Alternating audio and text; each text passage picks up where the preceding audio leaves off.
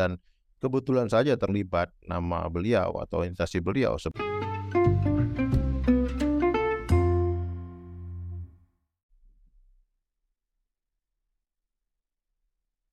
Selamat datang teman-teman Yusuf Abal kembali lagi kita di podcast Yusuf Abal sama Mas Daniel. Halo, Mas Daniel. Halo, apa kabar? Lama ya sudah sebulanan kita jeda. Lebih kali ini kayaknya. Lebih, lebih, lebih. Kali ini kita mau mengangkat isu perdagangan orang. Kita tahu ini salah satu masalah yang bukan hanya di Indonesia tapi juga masalah internasional dan beberapa kali sudah mulai diangkat dan mulai terbangun kesadaran di masyarakat. Nah, kali ini kita kedatangan Romo Pascal dari Kuskupan Pangkal Pinang ya Romo ya. Siap. Dan beliau juga bekerja di satu komisi uh, Kuskupan. Nanti mungkin beliau bisa lebih menjelaskan lagi seperti apa bidangnya dan harapannya adalah melalui diskusi ini teman-teman juga kita sama-sama kesadaran tentang isu ke perdagangan orang ini dan bahayanya bagaimana. Silakan mungkin Romo Pascal boleh kenalan bekerja di bidang apa Romo dan apa latar belakangnya Romo. Selain ini ya karena para Romo kan juga punya kalau ketaatan selain kalau ketaatan apa sih yang menjadi latar belakang Romo Pascal bergelut di bidang ini? Silakan Romo baik terima kasih uh, atas kesempatan ini. Perkenalkan sebelumnya saya Romo Krisantus Pascalis Saturnus saya biasa dipanggil Romo Pascal. Saya imam uskupan eh, Pangkal Pinang dan saya diberi kepercayaan oleh Bapak Uskup sejak tahun 2013 eh, melayani di Komisi Keadilan Perdamaian Pastoral Migran dan Perantau. Eh, komisi ini adalah eh, salah satu unit pelayanan dalam gereja Katolik yang bergerak di eh, ranah kemasyarakatan, uh, untuk persoalan-persoalan uh, sosial, persoalan-persoalan keadilan, persoalan-persoalan isu migran, uh, dan persoalan-persoalan masyarakat lainnya.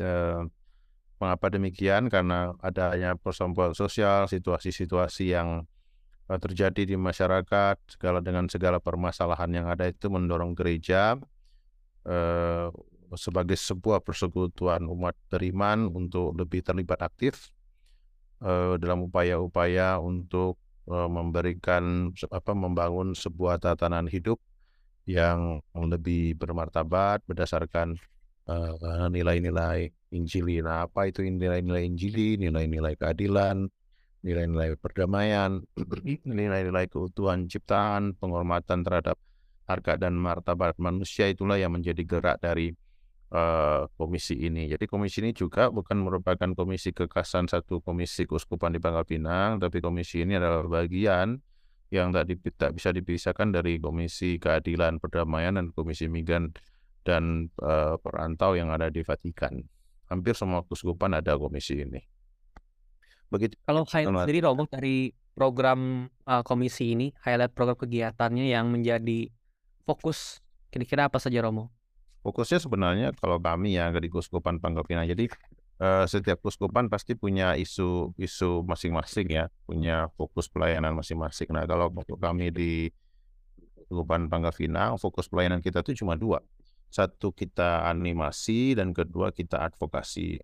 Uh, animasi itu uh, atau motivasi itu terutama dalam hal mempromosikan nilai-nilai keadilan, mempromosikan nilai-nilai perdamaian, mempromosikan juga penghormatan terhadap uh, terhadap ciptaan uh, mempromosikan juga bahwa setiap manusia itu adalah pribadi yang melebihi dari segala-galanya seperti yang disampaikan Santa Efrasia misalnya lalu kita mempromosikan juga tentang bahaya tindak pidana perdagangan orang kita mempromosikan juga tentang uh, bahaya terhadap pelindungan atau perlindungan perempuan dan anak bahaya kekerasan dalam rumah tangga bahaya dalam dalam uh, pergaulan dan sebagainya. Jadi kita memakai sumber dari kitab suci, kita memakai sumber dari uh, ajaran sosial gereja, kita memakai sumber dari ensiklik misalnya, kita juga memakai sumber beberapa sumber misalnya dari teologi-teologi praktis.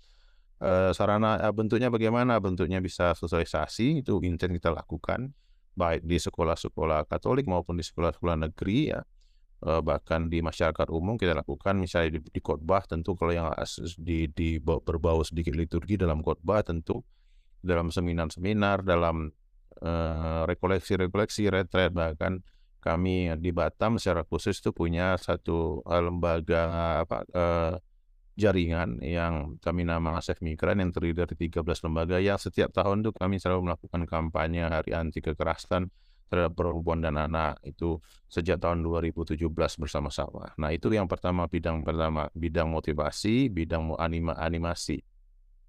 Nah bidang yang kedua itu kami lakukan adalah bidang eh, aksi atau advokasi. Nah bidang aksi atau advokasi ini menyasar dua dua uh, dua subjek ya. Pertama itu uh, per, uh, uh, korban ya terutama perempuan dan anak. Dan yang kedua adalah pelaku siapa pun dia entah dia laki-laki atau perempuan. Ketika kalau kami mendampingi korban tentu kami berdiri bersama korban untuk menyuarakan keadilannya menyuarakan uh, berdiri bersamanya untuk apa memampukan mereka memperjuangkan hak mereka mendampingi mereka secara psikologi, mendampingi mereka secara hukum, kesehatan dan sebagaimana aspek yang mereka butuhkan tentu. Dan kalau kita kami mendampingi uh, para pelaku itu uh, prinsip utamanya kami menyadarkan pelaku bahwa uh, ketidakadilan yang mereka lakukan itu uh, bisa diperbaiki kok dan mereka bisa menjadi manusia yang sebagaimana kita suci katakan amat sangat baik adanya. Kurang lebih sih seperti itu sih selain dinamika-dinamika lain yang terjadi di lapangan. Oke Romo, seperti sangat menarik ya dari penjelasan dari penjelasan Romo ya. Uh, konteks mengenai perdagangan orang, perdagangan manusia. Kalau kita biasa tahu begitu kan, Bang Dino kan, kita kan perdagangan perdagangan barang dan jasa gitu kan. Uh, biasanya kalau kita pergi ke pasar gitu.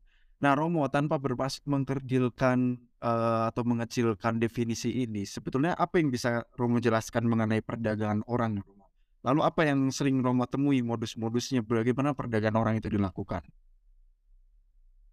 Yang pasti saya kalau menjelaskan secara secara detail itu kan ada di dalam undang-undang ya itu di, di, di, disebutkan dalam undang-undang dan itu sangat mendetail apa unsurnya apa apa hal-hal yang Eh, berkaitan dengan itu ya. Tetapi saya mau berbicara secara umum ya. Yang dinamakan dengan perdagangan orang itu adalah penghinaan terhadap uh, martabat manusia, uh, pengkhianatan terhadap citra manusia sebagai cipta Allah, penghinaan juga terhadap Tuhan yang menciptakan seseorang. Tidak pernah boleh siapa pun dia diperdagangkan untuk mendapatkan keuntungan. Jadi prinsipnya adalah secara sederhana kalau kita kita kita mau mengertinya secara sederhana itu adalah bagaimana seseorang diperlakukan sedemikian rupa sehingga dia uh, dapat menghasilkan sesuatu berupa uang demi kepentingan uh, orang lain bukan diri dia. Jadi dia di, dijadikan sebuah objek uh, dengan berbagai macam propaganda, berbagai macam cara yang disebutkan dalam undang-undang tentu untuk mengeksploitasinya. Jadi tujuan akhirnya adalah seseorang dieksploitasi uh, untuk mendapatkan keuntungan. Entah itu secara fisik dieksploitasi, entah itu dieksploitasi secara seksual, entah itu dieksploitasi secara uh, secara organ tubuhnya misalnya atau dieksploitasi dia uh, agaknya. macam deh pokoknya macam-macam eksploitasi. Itu termasuk juga misalnya dari jadi kurir uh, narkoba dari um, macam-macam uh, intinya dia diposisikan sebagai uh, sama seperti barang yang bisa di diperjualbelikan dan uh, ya dan diambil keuntungan dari dirinya. Uh, itu yang yang secara umum bisa saya jelaskan. Jadi prinsipnya namanya perdagangan orang ini adalah hal yang sangat biadab ya, yang harus kita uh, perangi bersama, harus kita berantas bersama dan ini adalah sebuah perbuatan yang sungguh uh, merusak tatanan hidup terutama dalam hal memperjuangkan nilai-nilai ya, kemanusiaan dan nilai-nilai manusia sebagai uh, pribadi Allah yang uh, amat sangat baik. Tadi saya katakan secipta dengan Allah.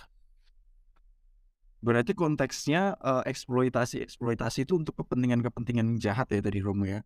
Kalau Romo katakan uh, nah, tadi sebagai kurir narkoba ada eksploitasi seksual. Maaf kalau saya boleh ini berarti menjadi pekerja seks pekerja seks gitu ya Romo ya.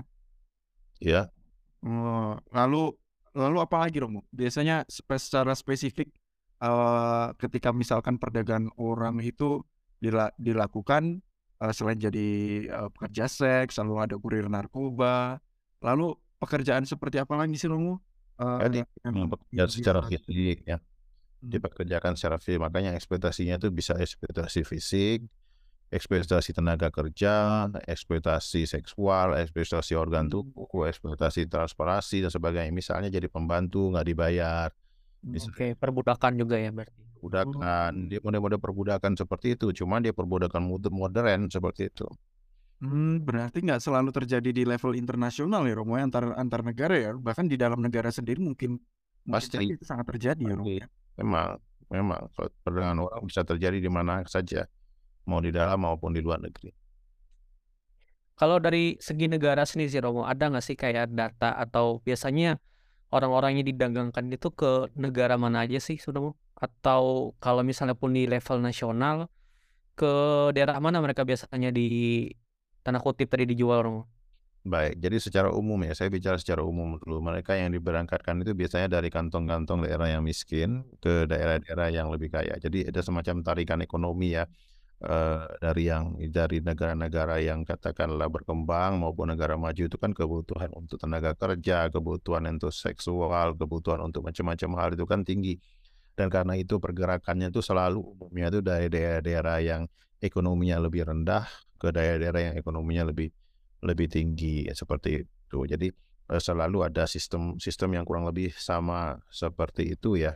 Eh, misalnya kita katakan dari di terjadi di eh, Jakarta, misalnya terjadi di kota-kota besar di, di Indonesia, di Batam misalnya atau di di Medan, di di beberapa daerah lain yang besar Surabaya misalnya. Dari mana korbannya? Bisa dari daerah-daerah lain misalnya yang lebih miskin, misalnya yang korban bencana alam dan sebagainya. Seperti itu kurang lebih sama eh, eh, apa eh, tipografinya eh, petanya seperti itu kurang lebih sama. Tinggal nanti masing-masing orang kan punya data, pemerintah punya data dari sini, lembaga masyarakat punya data ke sini, masing-masing sih bisa berbeda datanya, tapi modusnya kurang lebih, motifnya kurang lebih sama juga sih menurut saya. Kalau kalau untuk penyelundupannya sendiri gimana Romo? Kan kita tahu antar negara ini kan punya sistem ada ada paspor atau ada visa. Ini mereka penyelundupan kalau antar negara itu lewat apa ya biasanya? Nah kan kalau penyelundupan kan bukan perdagangan orang ya, Oh penyelundupan beda lagi ya? lain ya. Menyelundupkan orang itu kan misalnya membawa satu orang ke negara lain tanpa dokumen, katakan seperti itu. Tapi belum tentu dia perdagangan orang. Tapi Oh. bisa jadi mereka yang diseludup eh, lebih rentan untuk menjadi korban tidak pernah perdagangan orang bisa jadi. Tapi penyelundupan tidak serta-merta Hmm. eh, dapat diartikan bahwa itu adalah adalah eh, perdagangan orang seperti itu. Jadi itu perlu eh, perlu makanya perlu penelusuran, perlu investigasi lagi itu eh, pemahaman lebih lanjut seperti itu. Berarti untuk perpindahan ke negara misalnya perdagangan orang bisa jadi si korban ini juga punya dokumen yang lengkap ya Romo ya? Mm, Bisa jadi ada, bisa juga tidak. Jadi itu namanya people sama smuggling seperti itu ya, people smuggling. Ya jadi beda ya antara penyelundupan dengan Oh iya. Perdagangan orang tidak selalu sama. Iya, makanya aku memang kalau pe- perdagangan orang selalu mengandaikan adanya satu perpindahan dari satu tempat ke tempat lain, tetapi tidak serta-merta dia harus diselundupkan ke luar negeri baru menjadi tidak pindah perdagangan orang. Seperti itu, orang yang dipindahkan dari kota Bogor misalnya ke Jakarta saja atau dari Bogor ke dalam Bogor saja ketika mereka dipindahkan dalam satu salah satu unsur misalnya perdagangan orang dalam satu unsur undang-undang tidak pidana perdagangan orang itu disebutkan itu memindahkan, mengangkut atau mengapa seperti itu batasannya itu tidak terbatas se- seluas segala kenyataan sih. Seperti itu. Tidak mesti dia harus diseludupkan dulu baru dia menjadi korban tidak pidana orang enggak. Hmm, oke Romo. Romo, eh, kalau dalam konteks kasus yang kemarin sempat ramai Romo, eh, sempat viral, eh, gonjang ganjingnya Romo Pascal disebut itu di mana-mana di berbagai media, bahkan di podcast-podcast yang jauh lebih terkenal dari kami itu juga Romo, nama Romo itu disebut. Itu apa yang bisa diceritakan dari kasus itu Romo? Kasus itu menurut saya sih biasa-biasa aja ya. Itu bagian dari kontrol masyarakat terhadap eh, terhadap aparat negara. Eh, kan itu kan bagian dari dari dari apa ya rasa tanggung jawab kita sebagai masyarakat menurut saya. Dalam pelayanan kami, dalam advokasi kami terhadap perlindungan terhadap eh, dalam hal perlindungan terhadap pekerja migran kami menemukan adanya uh, adanya uh, persoalan-persoalan uh, pembackingan dan segala macam persoalan di lapangan yang yang terjadi seperti itu. Dan kebetulan saja terlibat nama beliau atau instansi beliau seperti seperti itu dan kemudian kami melakukan kalau dalam bahasa saya sih saya ngerasa itu sebagai seruan pastoral aja sebagai seruan moral saja seperti itu. Dan itu tidak tidak tidak besar juga dulu. Saya ngerasa itu bagian biasa saja karena saya menulisnya secara privat eh, ke sebuah lembaga negara dan hmm. kemudian itu ruang ruangnya juga ruang privat kok. Menulis surat kalau nggak salah Romo ya? Iya dan kemudian itu dijadikan dijadikan objek untuk melaporkan saya ke Polda Kepri jadi tidak ada yang hal yang luar biasa sih menurut aku kalau menurut saya sih sangat biasa aja sangat biasa saja Cuman hmm. kemudian menjadi besar ya gitu di luar kemauan kita juga, kita juga nggak tahu. Itu udah uh, kalau bahasa Kristiani ya kita bilang itu udah jalannya Tuhan lah. Ya membuka mata banyak orang dan kemudian membuat banyak orang ya termasuk juga kalian berdua ini ngejar-ngejar aku juga misalnya gitu. Iki ya sampai hari ini ya itu bagian dari rencana Tuhan untuk membuka mata orang, menyadarkan orang yang kemudian ya bagus juga supaya orang tidak diam saja atau menjadi pengamat tapi membuka mata, membuka hati dan memberikan tangan juga untuk membantu. Hmm, sampai sampai Menko aja sampai turun kalau nggak salah ya Romo ya. Ya. Uh, Oke, okay. Romo pasti dalam dalam kegiatan atau pekerjaan Romo dalam bidang ini selalu mendapat tantangan ya Romo. Salah satunya itu tadi. Ketika dalam berada dalam keadaan seperti itu Romo, uh, apakah Romo uh, pernah merasa menyesal atau takut Romo dalam menghadapi hal-hal seperti ini Romo? Kalau nyesal enggak sih ngapain disesali? Oh, okay. Enggak ada sesal ya. Kalau takut, kalau takut ya kayaknya apa ya takut pasti ada takut ya. ya. Kalau takut pasti normal ya. Manusia kan ada takutnya juga. Tapi kalau ngelihat, uh, saya itu biasanya ngelihat situasi. Kalau umpamanya kita benar kita nggak takut itu aja sih. Hmm. Nggak salah ya kita takut. Nah, yang kemudian kekuatan kita sebenarnya ber, ber, berikutnya adalah dukungan ya, dukungan yang luar biasa dari umat, dukungan yang luar biasa dari masyarakat umum juga saya ngelihat itu yang sangat membuat kekuatan itu luar biasa. Tapi sekali lagi semuanya karena kasih karunia Tuhan yang uh, menyertai semua perjalanan ini ya dan saya sih membacanya sebagai ini betul-betul rencana Tuhan sih menurut saya dan semoga ini menjadi momentum ya momentum untuk sesuatu yang lebih baik. Sempat minta perlindungan kak Romo? Ya? Sempat minta perlindungan nggak Romo? Tiap hari dong minta perlindungan sama Tuhan. oh iya Romo. Kita berdoa sama Tuhan minta perlindungan Tuhan jaga aku setiap hari itu harus. Itu itu setiap hari doa ya Romo? Ya harus. Perlindungan secara khusus Romo dari dari siapa gitu dari dari manusia Romo? Ya pertama pasti ke Tuhan itu ya minta perlindungan. Kedua kalau kita minta perlindungan sama Tuhan pasti Tuhan kasih orang-orang yang mau membantu kita. Bahkan orang yang tidak pernah kita kira untuk membantu pun juga membantu. Dan itu terjadi sih banyak. Nah kalau negara sih ada LPSK, Lembaga Perlindungan Saksi dan Korban seperti itu. Banyak nih kalau menurut saya banyak banget. Komnas HAM juga bantu. Eh, beberapa lembaga negara lain lagi dengan diam-diam juga membantu ada banyak orang kok yang baik kok yang mau hmm. juga dalam hal ini. Ya tadi Romo ada sempat cerita ya salah satu alasan kenapa jadi perdagangan orang kan mudah sekali karena kemiskinan ya yang pasti sangat takut dan juga juga punya kompleksitas masalah di tiap daerah. Tapi Romo kalau bisa digambarkan sebenarnya itu kondisi apa lagi sih atau kemiskinan yang seperti apa sih yang sampai membuat orang-orang ini akhirnya bisa jadi korban? Apakah memang mereka kurang informasi? Ataukah mungkin juga mereka tahu akan didagangkan tapi karena tidak ada tidak ada pilihan-pilihan yang lebih baik lagi ya sudah atau seperti apa Romo?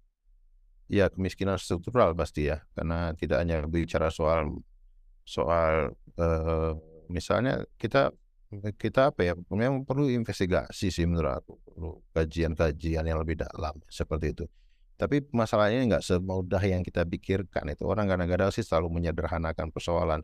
Kenapa sih bahkan pekerja migran itu yang justru disalahkan itu yang sebenarnya saya yang banyak kali nggak terima seperti itu ya.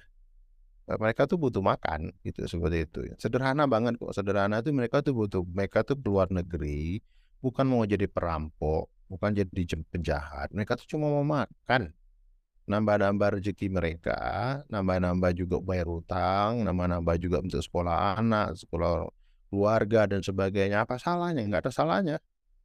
Dan itu hak, hak jadi setiap orang kok mau pergi ke mana saja bekerja uh, bebas kok. Itu kan ada ada undang-undangnya. Itu kan hak saja dijamin kemerdekaan setiap orang untuk ke mana saja.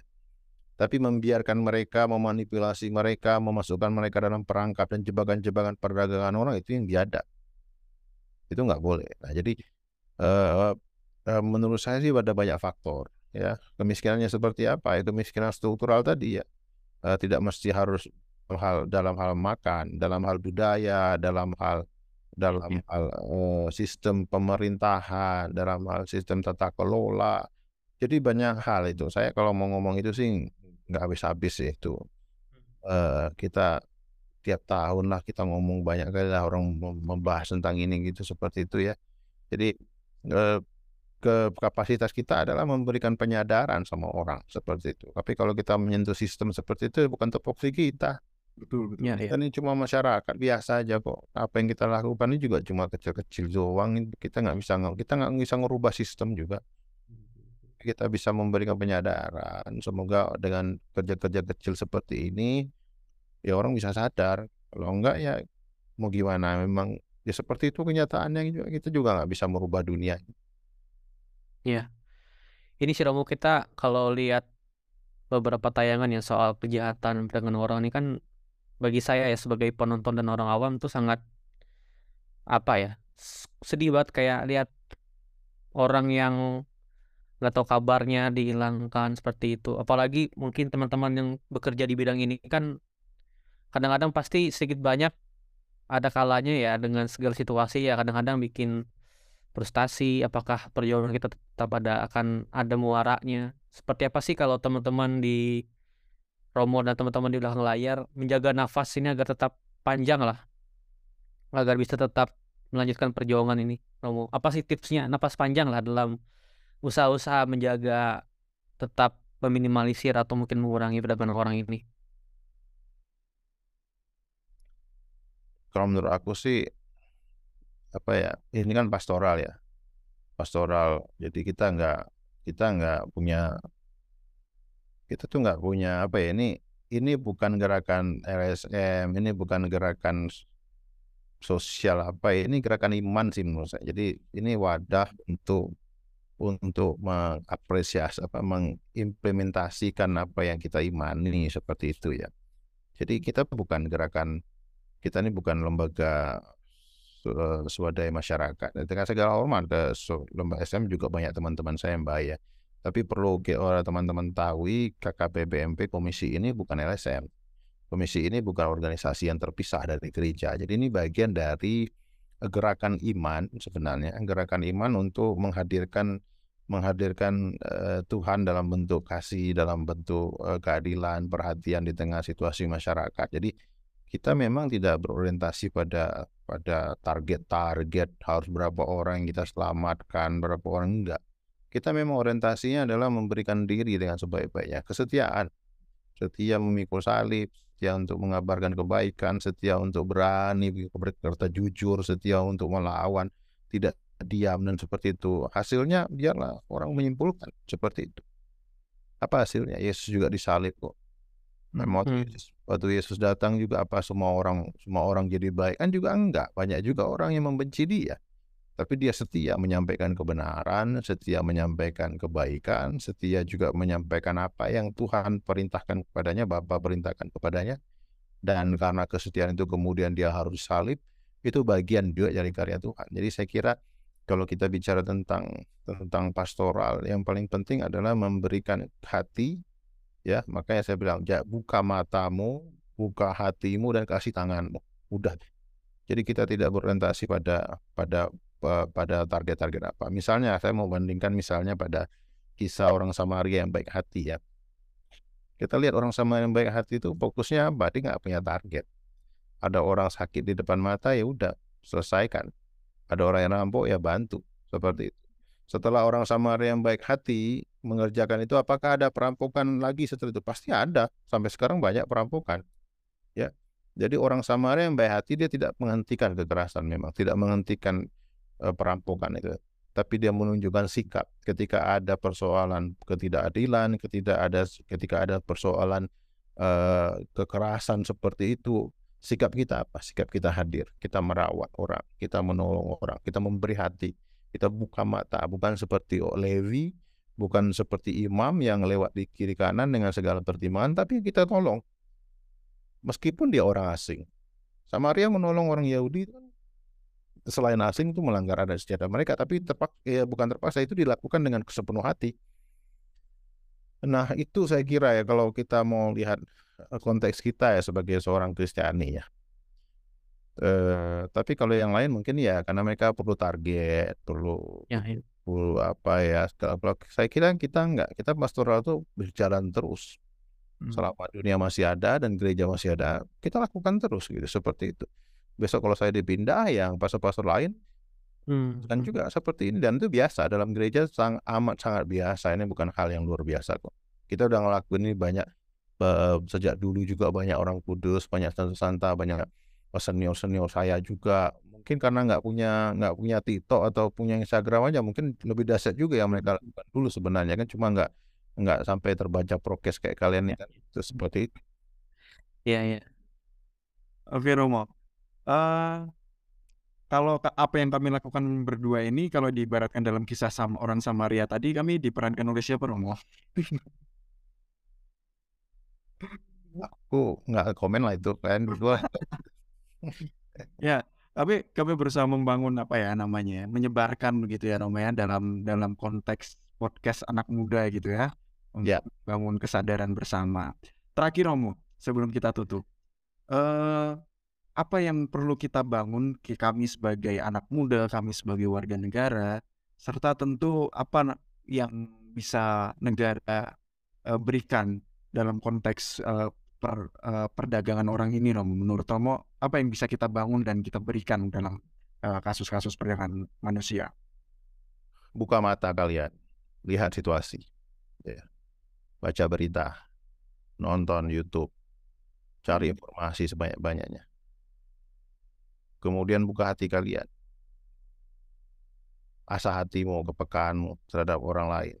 Jangan cuma fokus sekali, kemudian besok lima tahun lagi baru fokus lu tunggu viral Ya, dan Oke. kasih tanganmu. Untuk nolong. Kalau kamu nggak bisa menolong langsung ya minimal kamu menjadi seperti ini menyuarakan melalui media kalian. Me- mengapa membantu teman-temanmu punya mindset menghargai orang mindset untuk mencintai orang mindset untuk tidak pernah jangan jangan pernah mengeksploitasi orang. Mindset bahwa kita ini ciptaan Tuhan. Kita ini semua baik kok. Diciptakan Tuhan amat amat sangat baik dan karena itu mari kita menghargai diri kita. Menghargai juga orang lain sebagai bagian ciptaan yang tercipta dengan sangat baik itu. Sehingga kehidupan yang lebih baik keutuhan kita sebagai ciptaan itu terjaga.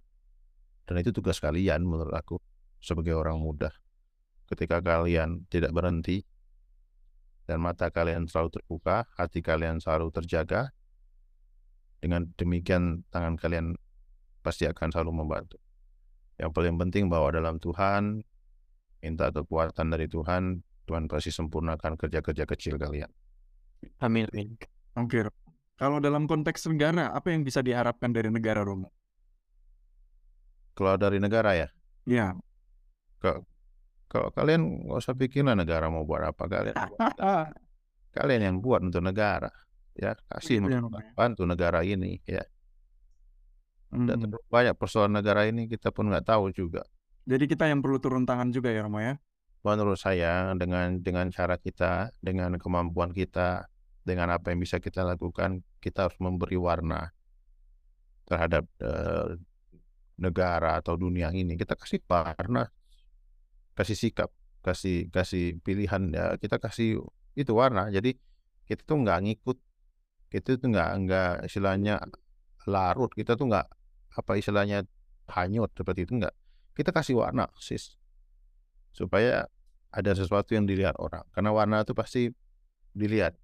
Kalau nggak punya warna nggak dilihat. Tapi kalau ada warna itu pasti oh hijau. Orang bisa ngelihat seperti oh kuning seperti itu. Nah eh, yang kalian lakukan ini bagian dari menurutku warna seperti itu. Jadi jangan mulai dari apa yang nggak ada, jangan menghayal dari apa yang apa yang nggak di depan mata kita, mulai aja apa yang kita punya. Gitu aja sih. Oke, terima kasih banyak Romo. Jadi kita di podcast ini kita tahu banyak Bang Dino ya mengenai bagaimana perdagangan orang bisa bisa terjadi, eh, lalu biasa terjadi eh, bagaimana, lalu siapa saja yang berperan. Banyak hal yang baru kita tahu ya. Semoga pendengar First of Abel di sini juga bukan cuma mendengar ya, eh, tapi kita juga mau tadi pesan Romo ya, mau membuka mata, mengulurkan tangan, sekaligus kita mau berperan memberikan warna terhadap eh, konteks eh, peran negara gitu. Sekali lagi Romo, terima kasih sudah berkenan mampir di podcast eh, kami. Semoga perjuangan Romo dan teman-teman juga semakin kuat. Eh, walaupun tantangan akan semakin berat ya Romo ya, kami akan juga membantu setidaknya sekurang-kurangnya melalui podcast ini untuk menyebarkan perjuangan-perjuangan eh, semua aktivis perdagangan manusia. Terima kasih Romo.